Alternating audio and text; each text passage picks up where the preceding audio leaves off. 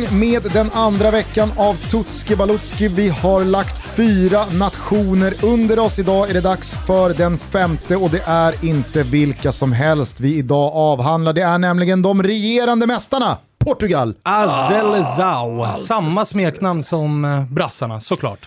De pratar också samma språk. Ja, vilket gör det lite halvrörigt. Ja, och orent. Och Ja. ganska trist. Mm. Eftersom Orena båda Portugal är... har vi redan 33 sekunder in i, i eh, avsnittet. Nej men eftersom det är också två så stora fotbollsnationer. Jävla trist att de sitter inne på samma smeknamn på sina landslag. Ja, alltså för att vara så här, två kreativa fan, Argentina länder. heter ju samma sak också. Ja, men det, det är ändå länder man förknippar med kreativitet och så landar de i samma smeknamn på sina landslag. Det är Lite liksom trist. Tyskland och Österrike, det är bara att det är Die Mannschaft och Das Team. Och här har vi att göra med, säg det en gång till. Azelezao. Azelezao. Har ju ingenting på börsen, säger jag. Noll på börsen. Hörni, till alla er som lyssnar för första gången så gör jag, Gusten Dahlin, tillsammans med Thomas Wilbacher och Kristoffer Svanemar en mästerskapspodd där vi i eh, 24 avsnitt totalt går igenom alla Europamästerskapets deltagande nationer. Vi gör det genom att redogöra för vägen till mästerskapet, vi analyserar förbundskaptenen och vem den personen är. Vi har en MVP, vi har ett stjärnskott och vi har vår gubbe. Och utöver det så drar vi givetvis givetvis upp en eller flera snackisar som dominerar rubrikerna runt landslaget. Avslutningsvis så har vi också borta hos Betsson ett långtidsspel på varje nation. Exakt, eh, det kallar vi för Ruben. Precis, det hänger med från eh, den första upplagan av Tutski Balutski, VM-podden från 2018. Och så jävla bra namn så att det fick heta Ruben i år igen, även fast eh, bara några matcher spelas på rysk mark den här gången. Svanen, take it away, det är Portugal som gäller. Ja, och vi börjar väl med eh, minnet, mästerskapsminnen, största meriter. Man har ju faktiskt en bronspeng från VM 66, lite snark nu för tiden. Man är ju regerande mästare, vilket såklart är ett fint minne, men den slår inte lika högt. Alltså det mästerskapet de vinner, de vinner ju en match, sex kryss. Så att det är ändå en, ett EM-guld som fan är lite kantstött. Håller ni med mig? De förlorar ju å andra sidan inte en enda match. De gör ju inte det, men de vinner ju alltså Mig en. veteligen så handlar inte fotboll om att vinna, det handlar om att inte förlora. Jag hör dig, men snyggt var det inte. Nej, visst. Det, det, det, det, det var ju långt ifrån den mest övertygande mästarinsats man sett. Vem Så avgjorde Så är det. i finalen? Jag vet inte, Krickan var ju på... Eder. Ja, just det, Eder. Just det, just det, just det. Jag och Gusten har- liksom Jävla ägnat hela, gubbe, vårt, alltså. hela vårt yrkesverksamma liv åt att, att undra vad fan Eder gör på planen. Ja. Och så glider han såklart in, dunderjinxad av oss, och avgör. Nu är inte jag någon yin och yang-människa, men på ett sätt så kändes det ändå som att eh, Portugal med det där EM-guldet 2016, på sättet man tog det, fick lite revansch också för förlusten mot Ja. Grekland 2004. Ja, ja, ja. Och det är någonstans runt eh, 2004 vi ska landa när vi pratar mästerskapsminnen. 2004 är såklart fint om man tar sig till final på hemmaplan. Manegen är krattad, Grekland väntar, men man chokar ju rejält. Det går ju inte att kalla det för någonting annat. Annars är mitt finaste minne från Portugal, det är ju faktiskt eh, 2000 när man hamnade i samma grupp som England, Tyskland och Rumänien och man har ett sånt otroligt sexigt lag. Lyssna på det här. Vitor Bahia i mål, Fernando Coto, Sao Pinto, Abel Xavier, Sergio Conceição, Rui Costa, Luis Figo och så min stora, stora barndomsidol, Nuno Gomes. Nunes Gomes. Den, Alltså vilket lag! ja, den, den, den jäveln. Ja men det var ju håret, såklart. Han var ju rätt dålig på att eh, göra han, mål. men- han, är- han har ju ett dåligt eftermäle i Fiorentina. För Ja, man bråkade, när Fiorentina var på väg att gå i konkurs, så då, då var han en av de som under hela den sista säsongen höll på att bråka om vad fan är mina pengar. Medan eh, Delivio liksom medlade och sånt där. Så Nuno, Nuno Gomes, han, han, han, han lämnade tyvärr med svansen mellan benen och är för alltid hatad hos de ligan. Ja, jag köper det, men det är för mig i alla fall, det är en, det är en barndomshjälte. Men, men cool. det laget då? Alltså, Nuno Gomes seglar hux flux upp på andra plats över Tutski Balutskis shitlist. Ryan Giggs i topp. Svanens barndomsidol får sig en rejäl Fan släng av sleven här. En av de snyggaste fotbollsspelarna som har utövat sporten, Ah, säger cool. jag. Eh, Det var i alla fall ett jävla lag. Man inledde ju den matchen med att spöa England, eller inledde turneringen ska jag säga, med att spöa England 3-2 när Figo gör det där. Ja men kanske ett av de snyggaste EM-målen som har gjorts. David Seaman gör också sitt till det målet eftersom han står helt stilla. Han försöker inte rädda. Oh ja, oh ja. och det gör ju målet snyggare. Verkligen. Det smäller i krysset. Eh, Kommer, ni tre... ihåg, eh, kommer ni ihåg vad Figo hade runt halsen den här tiden? Var det hajtanden? Visst. Ja. Tajt jävla hajtands Det gick inte att få in eh, ett finger mellan hals och, och snöre Jag där. tror Alltså. du Wilbur hade runt halsen. Ja, det är Kommit klart. hem från jorden runt-resa. Ja, det är Det klart. var ju hajtänder överallt alltså. Och ny, Tror- nygaddad. Det här är faktiskt på riktigt, vet du vad jag hade runt handleden? Nej. Krokodilskinn. Och så, och så en nygaddad brax på ryggen. Ja, det- Nygaddad brax på ryggen, hajtand runt halsen och krokodilskinn runt Vilse var handleden. man. Mäktiga, mäktiga millennieskiftet ändå. Eh, Fick men- inte ligga idag heller. Fan. Jag gör väl allt rätt här. Ja, jo, men ligga fick jag göra. Till, tillbaka till Portugal eller? Eh, Det, det EMet så skickar man ju faktiskt både Tyskland och England. Man vinner, och går ju, vinner ju gruppen rätt ut. Rumänien tvåa. Så Tyskland och England eh, utslagna. Åh, Torskar ju sen i semifinalen mot Frankrike med det där laget. Och det var ju typ då de fick kritik för att det är för mycket samba och vi ska vara brass, Euro, Europas brassar. Då och sen dess, har man ju blivit, ja, men sen dess har man ju blivit mer och mer cyniska, vilket ju slutar i ett EM-guld senast, när man är Jätte- extremt exakt. cyniska. Eh, och nu tycker jag ändå att vi har ett portugisiskt landslag som börjar gå tillbaks lite grann mot det mer lirande hållet, lite mer sexiga fotbollen. Eh, så det blir, det, de blir intressanta att följa här framöver. Men 2000, trots då att man är regerande mästare, det landar ändå jag på som är det bästa Portugal, det roligaste Portugal jag sett. Ja, men det känns som att man har byggt upp någonting kanske från där 2004. Så det, finns en, det är en ung generation portugiser. Det kommer fram hela tiden spelare som man undrar, "Ha, vad, vad är han för nationalitet? då?" Så bara, "Ha, han också portugis? Kommer ni ihåg ett tag när alla var belgare? Ja. Men den där jävla ung spelare som kom fram, supertalang, skulle vara belgare. Nu känns det som att det är lite samma sak med alla med latinska efternamn. Jaha, vad- har vi här nu då? Är det något borta i Sydamerika som man har hittat? Nej, givetvis portugis. Framförallt så har jag upplevt eh, de senaste 10-12 åren eh, av Portugals landslagssväng som att man, liksom Sverige under Hamren, gick bort sig i att allting skulle handla om, i deras fall Ronaldo, i vårt fall Zlatan. Att visst, vi har en världsklasspelare, men vi kan inte bara, bara, bara ge bollen till honom och hoppas på ett mirakel eller att han har dagen.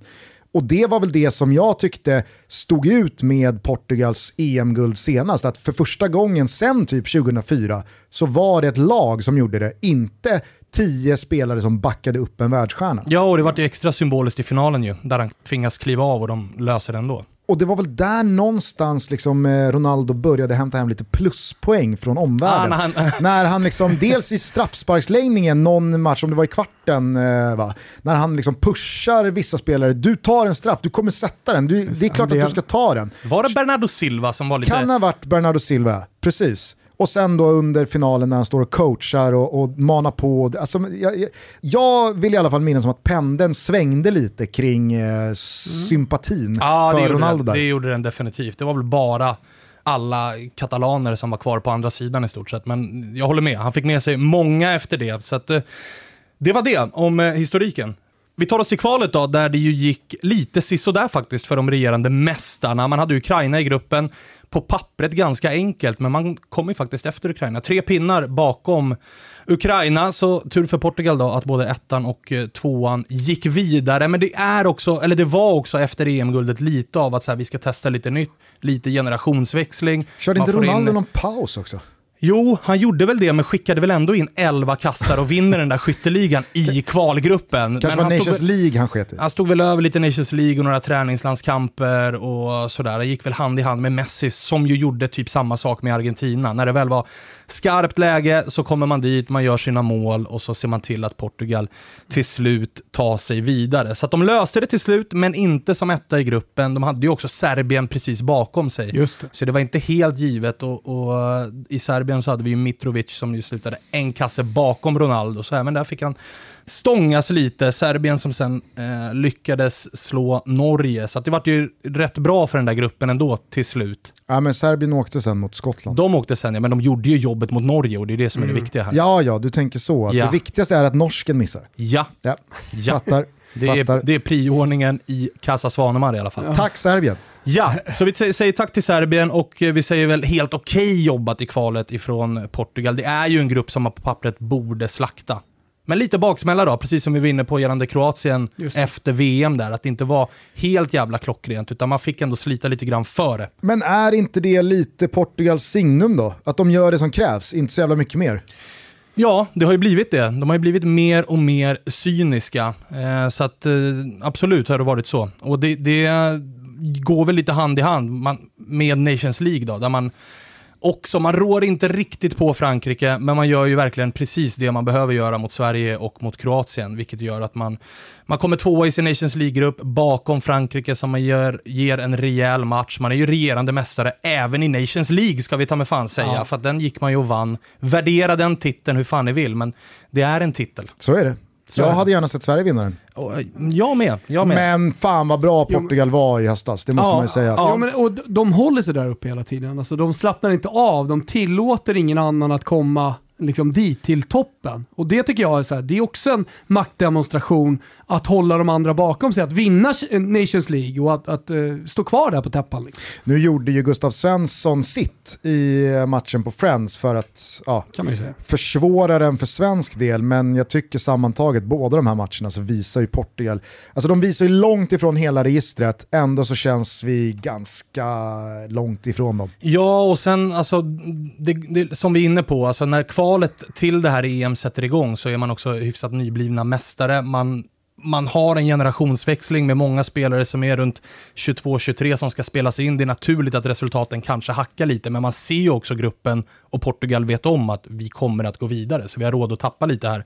Sen kommer uppväxling när det är Nations League och så ytterligare en uppväxling nu inför EM här i sommar. Så det har ju varit det har varit smart också att spela in lite nya gubbar efter det där guldet. Så att, eh, jag tror inte man ska dra att man kom tvåa i den där kvalgruppen för ett och ett halvt år sedan. Man ska inte dra så stora växlar utav det. Ja, men förutom eh, Nations League då, där Frankrike och Portugal körde över oss och Kroatien så har inlett eh, VM-kvalet här. Gruppen är väl eh, ganska enkelt. Man har Serbien där, man har Azerbajdzjan där eh, och man eh, eller spelade kryss borta mot Serbien 2-2 och övriga två matcher har man vunnit. Så att vi kan väl redan nu gratulera Portugal till att man spelar VM Ja. nästa. Ja. det ska nog mycket till för att de sumpar Det det, är där. klart. När Ja, det men bara alltså, det finns är- en Ja, men det är direktplats. klart. Ja, ja, men alltså det är Lu- allt. Luxemburg är med i gruppen och är det, det, det är sällsynt dassgäng. Så det, det, det här, och med 2-2 borta mot Serbien så ja, det är klart. Sett till allt. Vi gör detta Tutski Balutski avsnitt i samarbete med Telia. Mm. Får jag fråga dig en fråga Thomas? Eh, hur många som helst. Vad hade du velat betala för att se La Liga, Serie A, Premier League, Bundesliga och Ligue 1? Utöver då alltså Champions League och det stundande Europamästerskapet. Får jag bara ställa en kontrollfråga då? Gäller det alla matcher under mästerskapet? Alla matcher, live utan fördröjning och som en liten plusmeny även Simor och eh, Viaplays eh, streamingtjänster. Det låter, det låter dyrt. Det låter dyrt satan Ja, men vad hade du kunnat tänka dig betala? Alltså laxen i månaden låter väl rimligt någonstans där? Laxen hade du kunnat tänka dig att betala alltså. Ja, tur då att Telia nu erbjuder allt det här för 499 kronor i månaden. Knappa rödingen. Nej men är det inte helt sjukt? Ja, det är faktiskt helt sjukt. Eh, Det betyder ju att jag sparar 469 spänn i månaden va? Exakt, din huvudräkning är det inget fel på. Fel är det inte heller på detta sportpaket. Sveriges bästa enligt SKI. Gå in på telia.se sport och skaffa dig du också. Så får du alltså allting samlat på ett ställe. Simor och Viaplay. Det är bara bocka och buga för den här tjänsten. Vi säger stort tack till Telia för att ni är med och möjliggör Tutski Balutski. Stort tack. Ska vi fokusera lite på förbundskaptenen då, som jag vill mena på inte får det beröm han förtjänar. Kanske framförallt för att han besitter det mest generiska, iberiska namnet man kan ha. Och därför liksom så, han, han fastnar liksom inte på någon. Fernando Santos. Exakt. Ni hör ju, ni hör ju. Sex, och kanske också för att Cristiano Ronaldo klev in och snodde hans förbundskaptens roll när Ronaldo klev av den där finalen.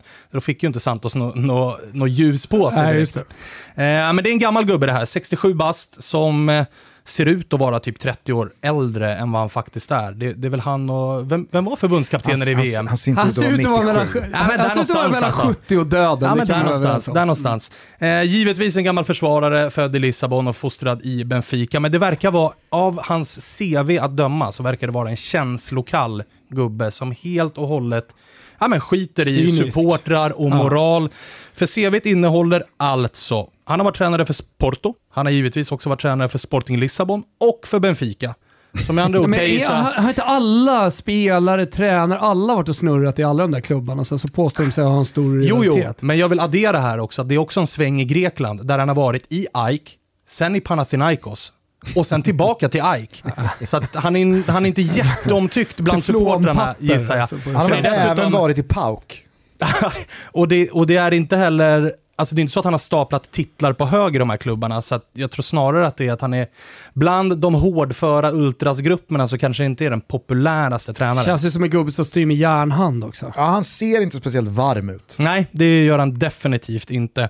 Sen insåg han ju för tio år sedan ungefär, när han var alltså 57 år då, så insåg han att det här med att vara nere på träningsplan varje dag, det får ungtupparna jobba med, Vias Boas och gänget. Då vart det ju tränaruppdrag. Så man kan chilla ett par månader och sen jobba lite grann och sen chilla ett par månader. Men lönen tickar ändå in, så då vart det ju Grekland, såklart. Gjorde väl ett helt okej VM va, 2014? Oh ja, tog ju faktiskt Grekland till slutspel för första gången någonsin. Åkte på straffar mot Costa Rica, en straffsparksläggning som Fernando Santos fick se från omklädningsrummet.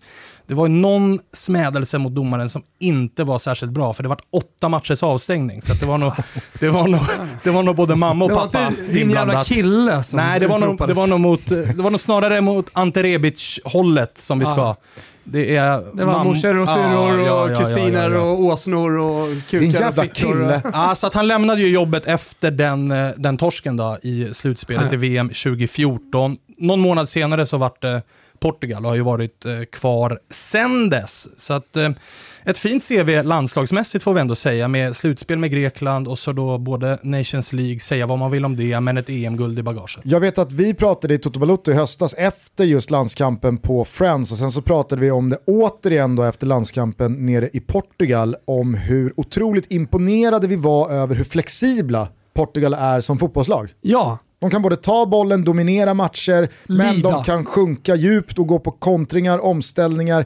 De, kan, alltså, de, de, de sitter på så jävla många S i rockärmen. Ja, och det var det som var jobbigt när vi mötte dem ju. Att de gångerna där vi faktiskt fick ha bollen lite grann så var det ändå så här, jaha, vad ska Kom vi göra då. med den? Ja, det, var, det är verkligen ett sånt landslag som man, man, vet, man vet inte hur man ska tackla dem. För att vi, när vi gjorde det mot Kroatien och fick dominera boll lite mot dem, då kände man nu har vi dem i brygga. De vet inte vad de ska göra här. Portugal är ju jättenöjda med att säga, men ha bollen i några minuter då, så får ni känna på den, men ni kommer ingenstans. Så det, han har fått ordning på det här gänget som är, innehåller både de här lite äldre, mer rutinerade spelarna, men också de här ungtupparna som verkligen har kommit in och tagit det Känns vidare. det, inte- känns det inte som den perfekta generationsväxlingen? Alltså det är inget som man kan bestämma. Det är ju sånt här som sker i cykler och eh, här måste man börja diskutera hur jobbar de olika akademierna i landet, hur får man fram fotbolls Hey, I'm Ryan Reynolds. At Mint Mobile, we like to do the opposite of what Big Wireless does. They charge you a lot, we charge you a little. So naturally, when they announced they'd be raising their prices due to inflation, we decided to deflate our prices due to not hating you. That's right. We're cutting the price of Mint Unlimited from $30 a month to just $15 a month. Give it a try at mintmobile.com slash switch. $45 upfront for three months plus taxes and fees. Promo rate for new customers for limited time. Unlimited more than 40 gigabytes per month. Slows. Full terms at mintmobile.com. spelare. Portugal är ju för övrigt ett land med lika många invånare som Sverige, snäppet mer. Eh, och kolla bara på alla jävla världsstjärnor de får fram. Så någonting rätt gör de olika akademierna. Men jag menar bara så här, hur gör man en genera- generationsväxling? Ja, det börjar väl med hur man börjar träna sjuåringarna. Och sen framåt, hur man förädlar talang, eh, hur man elitförbereder, hur man jobbar med bredden för att ta med hela vägen upp och så vidare. Här är ju Portugal verkligen ett land att titta på. Ja, Många kan ju- ungdomstränare snackar om att åka till Clairefontaine ena dagen och Ajax andra dagen och sen ja, men olika akademier. Fan, det är ju Portugal man ska vara. Mm, för tittar man på den landslagstruppen nu så är det, det är ju två, kanske till och med tre elvor som håller högsta klass. Ja det är så, eller hur? Mm. Spelarna man har fått fram här senaste åren, det är ju det, det är inga, det är inga dåliga komplement. Nej men, nej, men så alla Jävla nivåhöjare med Bruno Fernandes och Joao Felix. Alltså det, det, det, är inte, det är inte någon eh, liksom, halvnani som har kommit fram. Nej, nej, nej, definitivt men, men, inte. Men det är ju, vad, vad är det för nivå på någon som kommer fram? Alltså alla länder får fram ganska bra spelare, mer eller mindre bra spelare. Ruben men det är ju. Nej men så här, eli, det är ju det elitförberedande, det är ju förädlingen av talangerna som Portugal uppenbarligen, uppenbarligen är fett jävla bra på. oh ja, för de kanske blir- bäst i klassen. Ja men exakt, för, för de blir top of the League liksom, Mm. de här spelarna som kommer fram. Och sen så har de ju å andra sidan även hylla 2, hylla 3, hylla 4. Så att de har ju koll på bredden också. Så jävla imponerad av Portugal. Men går det, att, går det att slå fast eh, någon formation Fernando Santos eh, alltid använder sig av eller är han flexibel även i hur han formerar sitt lag? Nej, men det har väl varit en 4-2-3-1 som genomgående har varit uppställningen. Och snackisen runt Portugal de senaste åren har ju alltid varit så här, det saknas en nia. Ronaldo har alltid utgått från en kant. Men nu när Ronaldo har blivit äldre så har man ju nian klar. Nu är det snarare hur man ska formera det runt honom. Alltså bakom, ska det vara Joao Felix eller ska det vara Bruno Fernandes? Alltså det är lyxproblem vi har att göra med där. Eh, så att med 4-2-3-1 och sen så kan du välja ifall den ska spela med hög press och högt bollinnehav eller som ni är inne på att de kan också ställa det här laget ganska lågt och låta Ronaldo ligga på rulle. Så att, eh, men men eh, 4-2-3-1 är ganska cementerat ändå. Ska du nu spela Allan Ballan och säga någonting annat än det givna svaret på vem som är MVP? Nej, det är absolut helt jävla onödigt att spela Allan. Ballan här. Det är Krickan Ronaldo som är MVP. Galna. Ja, men det går inte. Alltså, vad har han gjort nu? 25 påsar i Serie A? Visst, det är inte dominans varje match. Det bränns ett par lägen också, men 25 mål i Serie A i den åldern. jävla Ronny, alltså. Ja, alltså det, det är sanslöst. Och nu, nu, nu är det upp till bevis igen och jag är helt övertygad om att den här, han, är rätt, han är rätt inställd på att lämna Juventus. Han har nog redan nu rent mentalt börjat lägga den här Turin-sessionen bakom sig. Och jag tror att hans säsongsavslutning, han skiter ju i om Juventus kommer fyra, femma, trea. Han ska ju spela EM med Portugal. Ja, ja. Det är jag helt övertygad om att Ja. det är hans fokus just nu. Och sen så ska det upp ett nytt jävla sista fett kontrakt. Så att han kan lämna. Var det nu kommer Var ifrån. det nu är kommer Manchester ifrån, ja. United eller om det är Ja. Juventus. Eller om det är Beckhams eh, Miami där borta. Vem fan vet. Det kanske men- blir det, det är tre, han, han har ju han har ju superkropp. Om vi nu har slagit fast att 35 år är åldern för eh, liksom när det börjar gå lite ut för så är Cristiano Ronaldo är väl runt Zlatan där istället. Att det, han kan spela till han är 40. Ja, ja, ja. Definitivt. Förutsatt att det inte sker någonting jävligt Definitivt. eh, Nej men det är hemskt. ju MVP, alltså mest landskamper, mest mål någonsin i Portugal och ja, alla Vad vet säger ju. ni om jag säger 109? att Det är väl kassarna va? Jaha. Det är Ali Dais världsrekord i antal mål för sitt landslag. Ronaldo står på 103. Mm, Då smäller det ju nu. Känslan är att Klart Ronaldo, innan slutet. av- Ronaldo är inte innan klar. sommaren är över så är det klart. förrän han står på 110. Så är det. Ganska skönt att det. slippa Ali Dai för ett tag sedan va? Han ska alltid bolla sig det, upp ju, jäveln. det är ju bara då Bort han med Ali nämns. Dai i alla, i alla quiz och skit va? Ja. Nu är det Cristiano Ronaldo här. Ja, ja, jag skriver under på det. Nej, men 14 det, det, mål mot Mongoliet. Ja. Eh, vad säger du eh, om eh, man ändå då ska spela djävulens advokat och ifrågasätta formen på Cristiano Ronaldo? Han har ju inte haft någon monstervår i Juventus. Nej, och han har heller inte spelat i något monsterlag. Det måste vi fan kunna konstatera när vi ser det där Juventus-laget. Att understödet har varit sisådär och framförallt så har det varit en tränare som inte riktigt har koll på grejerna, tycker jag och många med mig. Eh, så att formen går ju att ifrågasätta, men det är ändå Cristiano Ronaldo vi pratar om. Så att det går ju aldrig. Är han i ett lag så kommer han att vara MVP i Form det hit, laget. form dit säger jag. Ja. Jag tycker också Form att eh, det återigen går att likna jäkligt mycket med Sverige och Zlatan. Att man är ju jävligt spänd på att se Zlatan i det här Sverige med den här uppbackningen, med de här spelarna runt sig. Alltså att Ronaldo ska gå in i ett EM med Ruben Diaz, Bruno Fernandes, Diego Jota eh, och Joao Felix runt om sig kontra tidigare när det bara var liksom Moutinho och eh, Eder. Nani-figurerna som liksom...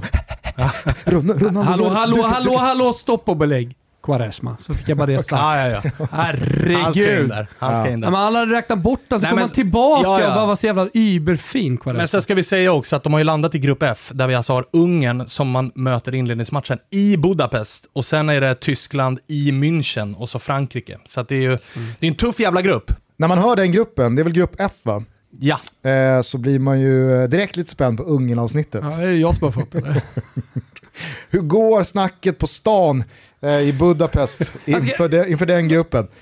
Frankrike, Portugal, Tyskland. Alltså, Herregud. lyssna alltså. noga på Ungern-avsnittet. Jag lovar här och nu att det kommer att bli det bästa avsnittet. Och jag hoppas att alla går man ur hus och bara lyssnar på Ungern-avsnittet. Så när vi summerar statistiken på Tutski Balutski, då ska Ungern-avsnittet vara i topp. Så berätta för alla era vänner om det magiska Ungern-avsnittet. Du måste nästan skaka fram en telefonare till Ungern-avsnittet. Jag ska fan fixa telefonen ner Lös till, det. ner till Lös det.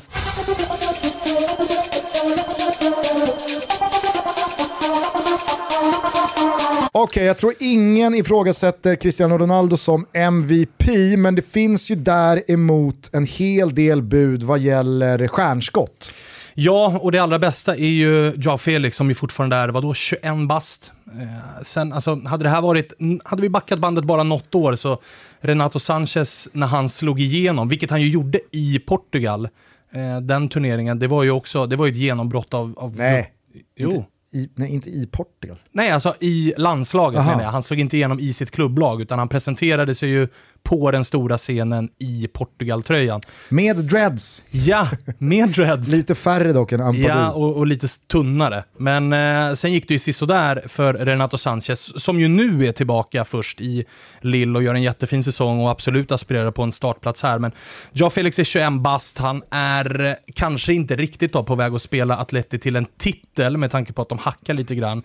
Men han, han är ju faktiskt någonting utöver det vanliga, det, det måste vi kunna konstatera. Och 21 bast, det är mycket fotboll kvar i den kroppen. Ja, det är det verkligen.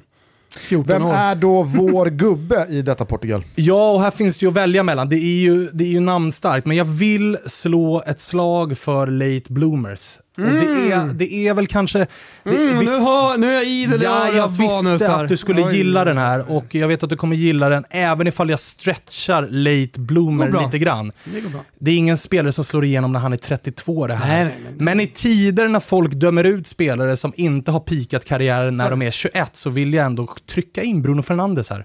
Mhm. För det är ändå en gubbe som, han är inte i någon av de tre stora akademierna i Portugal. Han är i Boavista, lämnar som 18-åring för pittiga Novara i Serie B. Tar inte ens en plats i A-laget direkt, utan får inleda i Jag tror jag har Primavera-laget. sett eh, Bruno Fernandes i Novara när de spelade Risderbyt mot Alessandria. Ja, ni hör ju. Och då kanske han var 19. Du vet ju vem som var den stora stjärnan i Dia Novara? Nej. Var det Maresca? Gonzales. Okej. Kommer du ihåg honom? Nej. Nej, Mascara. Han var Beppe i Mascara. Catania. Catania. Var inte han också i... Uh, var han bara i Catania? Sen i Napoli.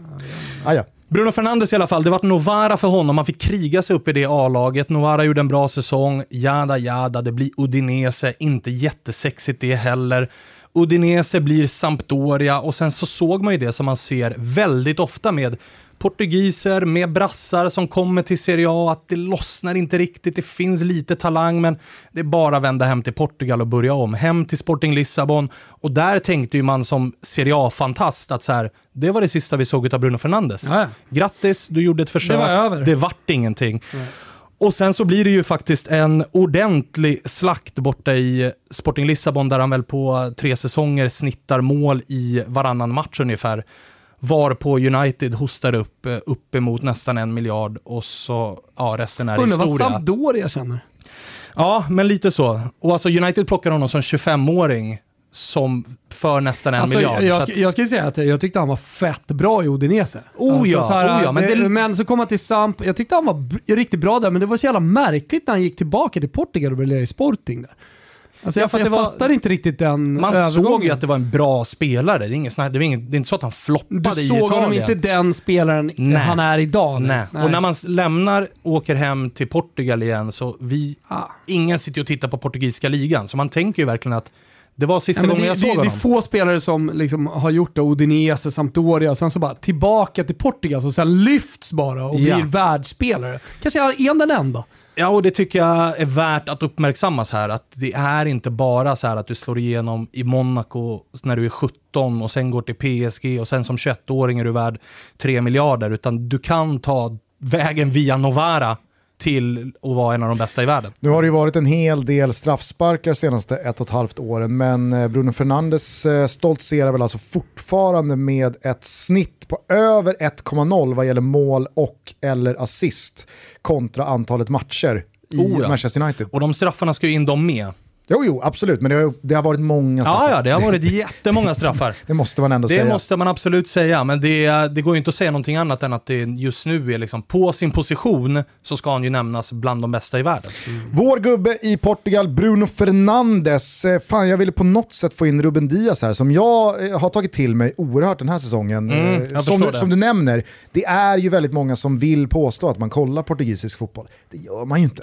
Nej, man kanske kollar på de derbyna. Ja, eller Champions det var League-matcher. publik. Och Champions League, när absolut. de eh, lagen är ute. men den, är ju aldrig, eh, den är aldrig första skärm då, utan den ligger ju på en second screen. Fint det känns att, eh, att kunna säga att jag sett eh, Bruno Fernandes i Novara. Det är fan förstår jag, en, det förstår jag. en av få svenskar som har gjort det. Vi var ett gäng sven- svenskar som åkte den arrade resan. Men det har du inte gjort Gugge! Nej det har jag verkligen Nej. inte. Däremot så har jag tagit till mig Ruben Diaz här nu under hans första säsong i Manchester Ruben? City. Vilken, va? Rub, är det- R- Ruben Diaz. Snart, Thomas, Ja, snart. Hans eh, första säsong i Manchester City, vilken jävla mittback det här är alltså. Ja, ja, ja. Och 50% av den backlinjen är ju Manchester City med Cancelo dessutom. Så att det, det är ett jävla lag och det är på varje position. Alltså när jag satt och kollade igenom de senaste elvorna så var det liksom, aha, den här gången spelade ni med det här världslaget. Nästa match, ja då var det ett annat världslag. Så att det, det finns så jävla mycket kvalitet att välja på i det här laget. Vad är snackisen då? Eh, nej men snackisen är ju enligt mig att det inte snackas tillräckligt mycket. Det känns som att eh, de är en outsider trots att de är regerande mästare. Och dessutom då har de har blivit av med lite dödkött. Det får vi ändå kalla alltså, ja, ja, ja. Quaresma och de här gubbarna. men de hade vissa det var dags. spetsegenskaper. Det var lite halvkul när Quaresma fick sitt läge med utsidan, men i övrigt ganska begränsad fotbollsspelare. Visst. Nu är det ju ett bättre Portugal som kommer till det här mästerskapet och som dessutom då har ja, men växt några centimeter såklart av den där titeln, men är ändå inte ens nära att vara favoriter. Laget det pratas om mest inför turneringen. Så jag vet inte om det är att de själva kanske har valt att ja, men vi ska inte vara så kaxiga. Låt oss vara underdogs. Vi tar gärna den. Eller om det helt enkelt är så att folk bara tänker att äh, Cristiano han är gammal nu va? Så, så att jag vet inte, jag tycker att det är vår snackis i alla fall. Att fan, Portugal ska nämnas som, som eh, topp fyra. Peppe?